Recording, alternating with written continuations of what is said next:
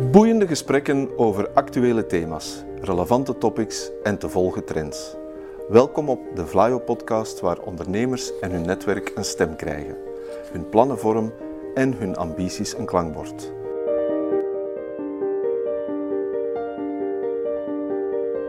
To the point waar het kan, dieper gravend waar het moet. Inspirerend, informerend, ondersteunend. Van artificial intelligence, blockchain en circulaire economie tot digitale zorg. Wij knopen het in jouw oren.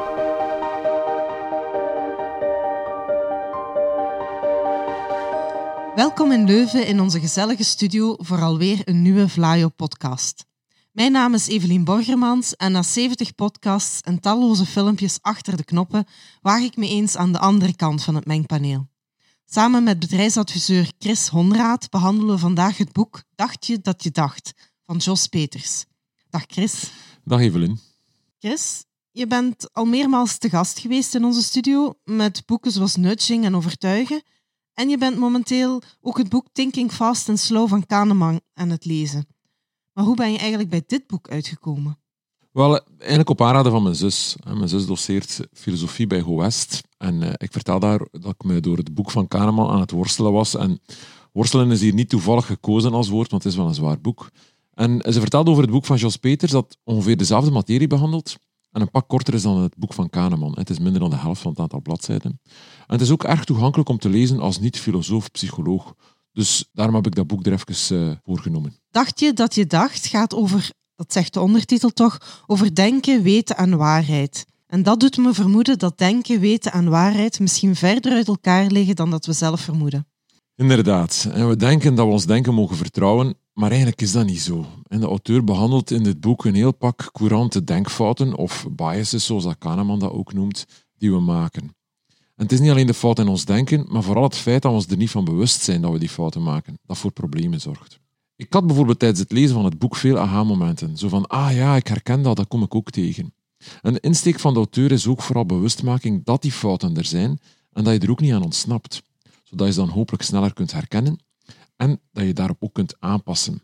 Maar het blijft niet eenvoudig om die fouten uh, te ontdekken. Maar kijk, uh, niet geschoten is altijd mis. Oké, klinkt interessant. Maar hoe kan dit dan ook relevant zijn voor onze ondernemers? Well, dat is een goede vraag, want hè, uiteraard al die boeken die komen voort vanuit een persoonlijk interesse.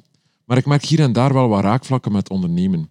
Want bij ondernemen ga je ook beslissingen nemen op basis van wat je denkt. Maar ja, wat als dat denken dan niet altijd juist is? Wat ga je dan doen? Daarom is het ook belangrijk om als ondernemer te weten dat je eigen denken niet onfeilbaar is. En ten tweede wat je er kan aan doen om niet in de val van die denkfouten te lopen. En dus daarom vond ik het wel de moeite om het in een podcast te gieten. Laten we beginnen met het eerste hoofdstuk. Een wat technischer hoofdstuk waarin Jos Peters het heeft over snel en traag denken. Ja, snel en traag denken, uh, niet toevallig ook de titel van Kahnemans werk, Thinking Fast and Slow, dat gaat over de twee denksystemen die iedereen heeft. En denksysteem 1, of snel denken, is het systeem waarmee dat we snel of automatisch denken, intuïtief, onbewust. Het kost geen inspanning. En dat is een systeem dat perfect geschikt is om jezelf naar huis te rijden na het werk of emoties te herkennen in iemands gezicht. Of een ander voorbeeld uit mijn eigen leven. Dit weekend, tijdens een quizronde, kregen we twintig eenvoudige vragen te horen. Maar we mochten niets opschrijven, pas helemaal op het einde. En systeem 1, dat blijft gewoon iedere vraag verwerken en de antwoorden duwen in je hoofd. Terwijl dat je net probeert die antwoorden ook op te slaan. En dat is niet zo eenvoudig als dat lijkt. Want dat systeem 1, dat staat altijd aan en dat interfereert dus met het memoriseren van die antwoorden. Nu, er is ook een nadeel aan dat systeem 1. Hè. Dus wel uh, snel, daardoor ook niet echt kritisch. Het gaat niet echt diep, maar daar heeft het ook geen tijd of mentale ruimte voor. Het gaat gewoon snel. Vandaar, als je iets complexer moet doen, dan schakel je over op denksysteem 2, of het traag denken. Dat systeem is wel overwogen denken en je moet er moeite voor doen. En dat gaat soms ten koste van een andere activiteit die je aan het doen bent. Zoals in het vorige voorbeeld, het memoriseren van die antwoorden. Maar ik kom dat ook dagelijks tegen als ik bijvoorbeeld nog even iets wil afwerken. Of ik ben met de auto aan het rijden en uh, mijn kinderen stellen een vrij complexe vraag. Dan zeg ik meestal, ja, papa heeft even geen mentale ruimte om die vraag er nog bij te nemen. En in het boek spreekt Josse dan ook over cognitief bezet. Ik vind het wel een goede manier om dat uit te drukken. Dus vanaf nu ga ik dat ook zo tegen mijn kinderen zeggen.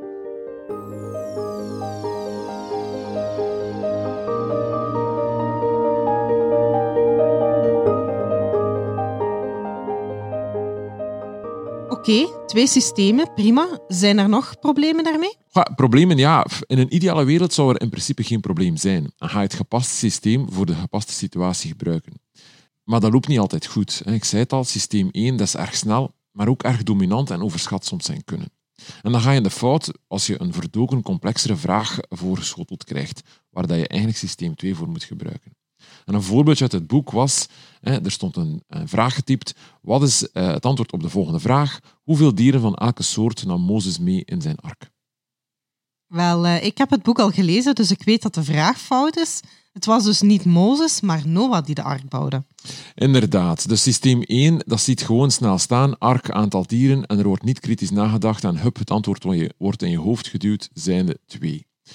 En zo zijn er wel een aantal voorbeelden in het boek. En zelfs als je weet dat je moet opletten, toch blijft systeem 1 hardnekkig dat foute antwoord dus in je hoofd te duwen. Het is moeilijk om dat uit te schakelen. En dat deed me trouwens denken aan ChatGPT en de fouten dat dat systeem maakt. Volgens mij is dat ook een systeem 1-algoritme, als ik dat even zo mag noemen. Het gaat heel snel associaties leggen, maar het denkt eigenlijk niet echt diep na. Het gaat gewoon zeggen van kijk, dit is het logisch vervolg op deze vraagstelling. En dat, maar dat is misschien voor een andere podcast om eens over ChatGPT te spreken. Kan je die problemen dan niet gewoon oplossen door bewust systeem 2 in te schakelen op het moment dat je denkt dat het nodig is? Ja, in principe wel. Nu, je eh, kan dat niet altijd zo bewust doen, maar je denkt nu ook misschien door het voorgaande dat systeem 2 de, het ultieme rationele systeem is en dat dat geen fouten in zich heeft. Maar dat is ook niet zo. Hoewel dat je er al wel meer cognitiviteit in steekt, is het ook wel gevoelig voor onze emoties, voor de invloed van onze emoties. Iedereen kent de term hangry wel. Als je vermoeid of hongerig bent, ja, dan gaat systeem 2 ook andere besluiten trekken.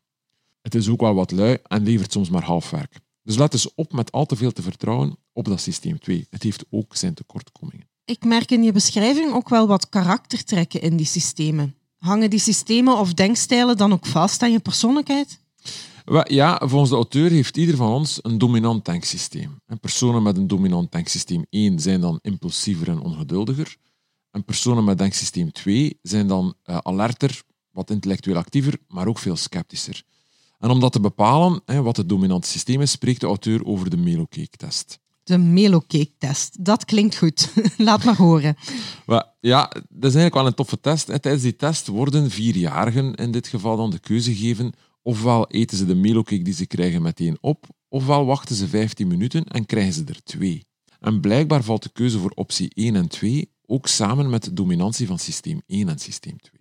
Oké, ik zou meteen naar die melkcake grijpen. Wat zou jij doen? Ik denk dat dat een makkelijke is. Iedereen die mij ook kent, zal dat waarschijnlijk beamen. Voor mij zal dominant systeem wel 2 zijn. Maar daarom was dat boek voor mij ook zo'n eye-opener, want je krijgt dan wel de stempel van analyticus of een rationeel persoon. En dan denk je dat je altijd juist denkt, maar eigenlijk maakt systeem 2 ook fouten, waarvan dat je zelf dan niet bewust bent. En dat is een belangrijk inzicht dat ik kreeg. Met dat vakjesdenken wil ik toch nog even meegeven. Hè. Mensen in, vakjes steken op basis van gedrag, dat is altijd wel een beetje gevaarlijk. En je hebt hier nu twee vakjes gehoord, hè, systeem 1 versus systeem 2. Je hebt ook nog andere vakjes, zoals de MBTI-profielen, Foresight-profielen en zo. Persoonlijk vind ik dat wel altijd gevaarlijk om mensen op basis van gedrag zo te klasseren. Maar dat is misschien ook wel voor een keer een andere tijd.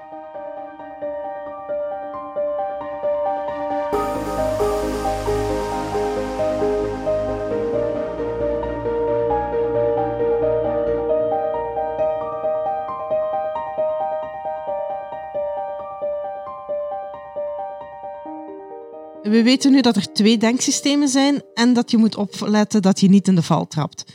Maar er zijn nog denkfouten. Kunnen we die ook even bespreken? Ja, maar er zijn er een hele lijst. Hè, want Kahnemans boek is 500 bladzijden. Gelukkig is dit boekje veel dunner. Dus allemaal overlopen zoals veel te ver leiden. En er zit ook wel veel overlap tussen sommige van die denkfouten. En dat maakt het lastig om zo wat structuren aan te brengen.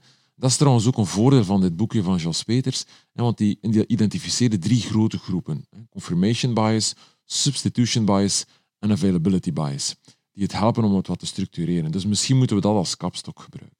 Prima. En we gaan het ook praktisch houden, denk ik, en wat voorbeeld brengen. Oké. Okay. Um, ehm, starten we met de confirmation bias? Ja, dat is goed. Om confirmation bias uit te leggen, pak ik er graag het voorbeeld uit het boek bij. Het voorbeeld is als volgt. Een vrouw komt aangifte doen bij de politie van mishandeling van haar dochtertje door haar ex. Ze haalde blijkbaar het kindje op bij hem thuis, terwijl dat die ex er niet was, en merkte blauwe plekken op. En ze vertaalt er ook bij aan de agent dat haar ex drinkt en alles veroordeeld is voor geweld. En onmiddellijk gaat de agent mee in het verhaal, want ja, alles klopt. Dat heet dan cognitief gemak. Hè. Alles lijkt te bevestigen. Dat is lekker gemakkelijk, maar dat is dus gevaarlijk en is een denkfout. Ja, helemaal niet zonder risico dus. Nee, inderdaad. Wat kan je daaraan doen? Een oplossing die de auteur aanhaalt, die vindt hij bij Socrates. Gedraag je als onwetende en blijf steeds vragen stellen ter verduidelijking. Zo ondermijn je die confirmation bias en dat deed me denken aan twee zaken bij businessmodellen en ondernemen. Namelijk de 5 times why-methode van Simon Sinek, waarmee dat hij dus dieper wil graven naar de oorzaak van een probleem, maar ook het problem interview bij Running Lean, waarbij dat je dan vooral informatie wilt peuteren uit potentiële klanten. Je wilt hun noden leren kennen zonder dat je daarbij je eigen oplossing gaat verkopen.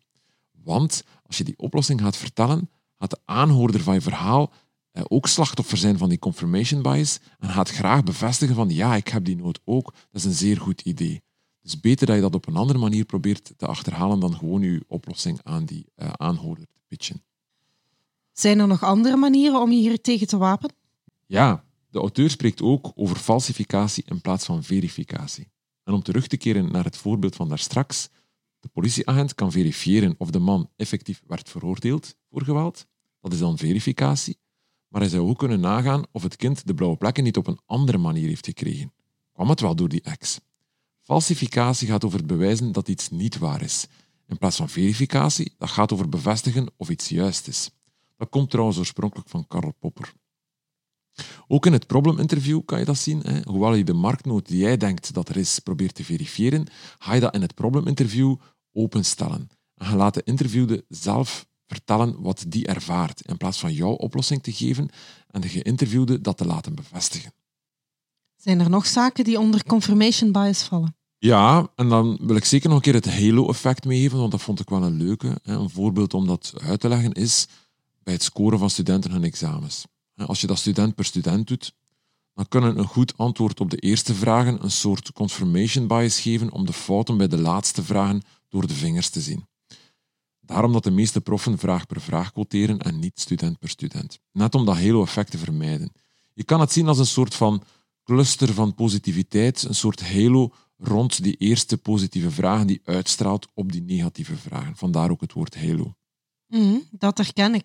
Um, ik las enkele weken geleden nog in de krant dat aantrekkelijke mensen sneller als sympathiek, positief ingesteld en hardwerkend worden ervaren in een eerste jobinterview. Duidelijk die halo. Inderdaad, dat is ook een halo-effect. Nu, confirmation bias kan je bijvoorbeeld ook nog zien bij anchoring, als ik even een verwijzing mag maken naar onze nudging podcast, waarbij dat je bij prijszetting en de andere prijzen die rond jouw voorkeurswaardepropositie staan als een soort confirmation bias gaan werken op jouw voorgestelde prijs. Denk bijvoorbeeld aan de smartphones met 32, 64 en 128 gigabyte. Door de prijzen van 32 en 128 bekom je dan een soort van confirmation bias voor die van 64 gigabyte. Oké, we kennen nu de confirmation bias en daar is een uitweg. Je moet voldoende kritisch blijven voor de informatie die je krijgt, extra vragen stellen, falsifiëren in plaats van verifiëren. Duidelijk. Maar er is ook een tweede categorie waarvan je sprak. Dat is de substitution bias. Kan je dat even toelichten? Ja, ja. de auteur uh, geeft weer een mooi voorbeeld. Als je naar interviews van politici kijkt, dan merk je dat ze bij het krijgen van een moeilijke vraag wel een antwoord geven, maar dat dan niet altijd het antwoord is op de originele vraag. Ja, inderdaad. Heel dikwijls. ja. Dus wat dat ze doen is eigenlijk de eerste gestelde vraag substitueren door een andere. En dan een antwoord geven op het substituut. Maar eerlijk gezegd, ik merk dat ik dat ook doe in mijn job. Bedrijven vragen me heel dikwijls, wat is de slaagkans van mijn steunaanvraag? En dan antwoord ik meestal met, de slaagkans van aanvragen die schommelt rond de 80%. Maar dat is eigenlijk niet het antwoord op de oorspronkelijke vraag. Maar bedrijven zijn er meestal wel door gerustgesteld. En uiteraard vul ik dat nog aan met wat extra info over hun specifieke aanvraag. Maar de originele vraag, die kan en mag ik eigenlijk niet beantwoorden. Dus ik vervang die door een vraag die ik wel kan beantwoorden. En dat is de substitution bias. Dat komt dus duidelijk veel meer voor dan je zou denken. Zijn er nog zaken die bij substitution bias horen? Ja, in het boek komt ook de fundamentele attributiefout ter sprake.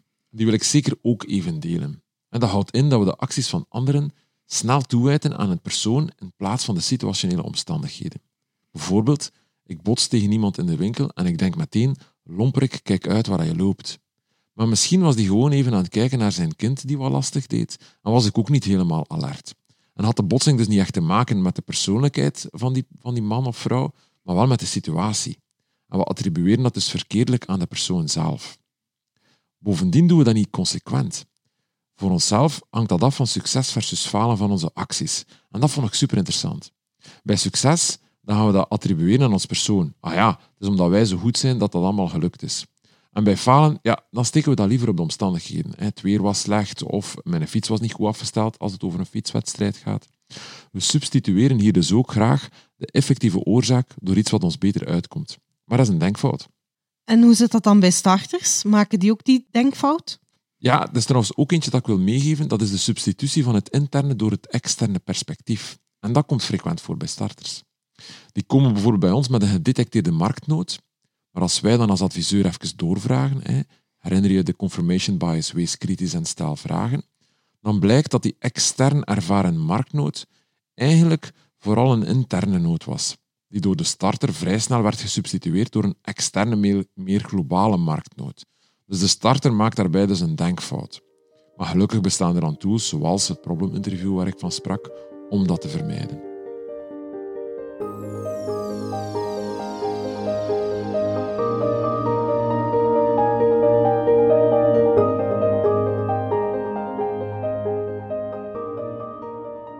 Oké, dat was denkfout 2, het substitueren. En de derde denkfout is de availability bias. Ja, de availability bias, of als je aan iets veel blootgesteld bent, dan denk je ook dat het veel voorkomt. En denk maar eens aan het volgende, je hebt een nieuwe wagen gekocht en van het moment dat je met die nieuwe wagen rondrijdt, zie je niet anders dan dezelfde wagen rondrijden, terwijl dat je die ervoor nooit gezien hebt in het verkeer. Je denkt dus plots dat er meer van die auto's rondrijden, maar dat is een denkfout. Ondernemers proberen trouwens met reclame een beetje op die bias in te spelen. Door ons herhaaldelijk bloot te stellen aan hun product en merk, krijgen we de indruk dat het ook veel voorkomt en dus wel echt een goed product of merk zal zijn. Want het wordt veel gebruikt of toegepast. Maar dat is niet zo. En dat deed mij bijvoorbeeld denken aan HelloFresh. Op een bepaald moment zag je heel, heel, heel veel reclame van HelloFresh, al die wagentjes en zo. Maar eigenlijk waren ze nog altijd aan het worstelen om voldoende users op hun platform te krijgen. Ondanks het feit dat je dus veel zag, waren er toch nog niet voldoende gebruikers. Ik las in dat hoofdstuk ook iets interessants over de sunk cost fallacy. Kan je daar iets over vertellen? De sunk cost fallacy, dat is een gevaarlijke. Dat gaat erover dat eens dat je geïnvesteerd hebt in een project, dat dat project een zekere waarde krijgt of een belang. En het wordt met toenemende investering, wat ook tijd in plaats van geld kan zijn, moeilijker en moeilijker om te beslissen om de stekker eruit te trekken. Het is een onbewuste denkfout. Doordat je er zoveel in geïnvesteerd hebt, word je als het ware blind voor de tekortkomingen. En de fallacy doet me altijd denken aan wat mijn vorige werkgever zei. Het gevaar van throwing good money after bad money.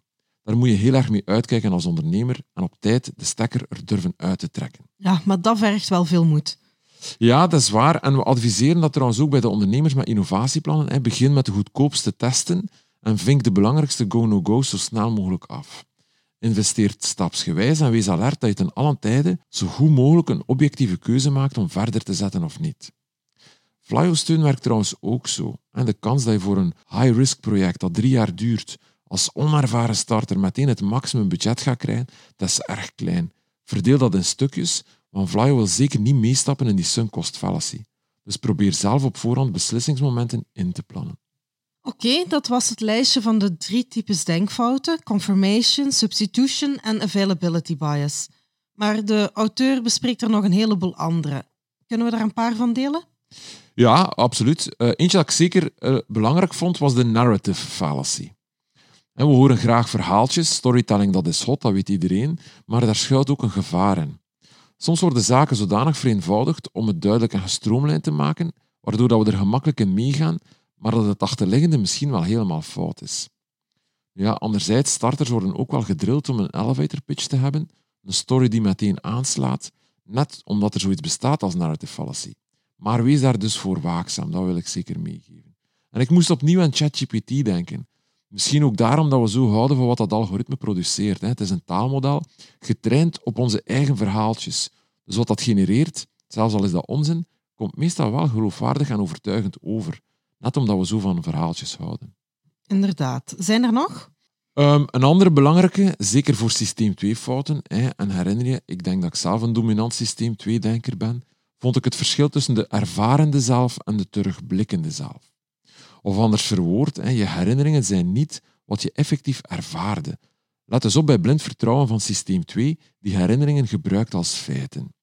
En in dat opzicht wil ik zeker een van de stokpaardjes van onze collega Werner vermelden, de peak end memory. Wat wil dat zeggen? Verwaarloos zeker niet het slot van je customer experience. Bijvoorbeeld, je maaltijd op een restaurant kan perfect zijn, maar als de rekening traag komt en je wordt een beetje onvriendelijk buitengebonjourd, dan zal dat afdoen aan de herinnering van die geweldige maaltijd. In dat opzicht ook dat je dikwijls een snoepje krijgt bij de rekening. Dat is zeker iets waar je als ondernemer moet op letten. En denk aan je customer journey en ook aan het einde ervan. En dan kwam ik nog een hele interessante stelling tegen in het boek. Experten doen het altijd slechter dan algoritmes. Dat vond ik wel een leuke. Ja, dat is inderdaad interessant. En de auteur hij beroept zich hiervoor op het feit dat experten mensen zijn en dus die denkfouten hebben die we bespraken. En dat algoritmen dat niet zijn. Maar ik volg dat niet helemaal, want de ene expert is natuurlijk de andere niet. En bij het kiezen van de juiste expert is het belangrijk om bijvoorbeeld een onderscheid te maken tussen know-how en know-what. Bij de eerste gaat het dan vooral over praktische eh, ervaring. Bij het tweede is dan meer boekenkennis. Het is dus belangrijk bij de keuze van je expert om die kritisch te bekijken en diegene te selecteren die de juiste know-how heeft. Maar daarnaast, hoewel algoritmes uiteraard geen mensen zijn en per definitie geen denkfouten maken, weten we ondertussen wel dat AI-algoritmes getraind worden op data van mensen. En die data kan wel die fouten of biases bevatten, waardoor dat die algoritmes dan ook die fouten maken. Ik verwijs graag naar de podcast over het boek van Janelle Shane, over You Look Like a Thing and I Love You over AI. Dus ik zou die stelling niet zo zwart-wit durven stellen.